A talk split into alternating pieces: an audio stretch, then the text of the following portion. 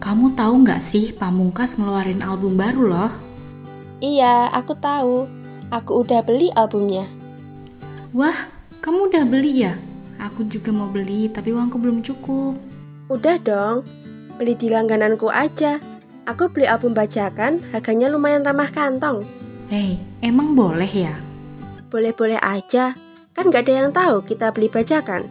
Yang penting kan kita tetap bisa dengerin musiknya. Toh isinya juga sama, hahaha.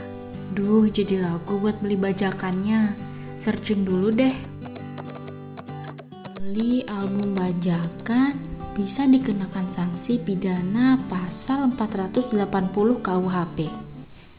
Dengan pidana penjara selama-lamanya 4 tahun atau denda sebanyak-banyaknya 900 ribu rupiah.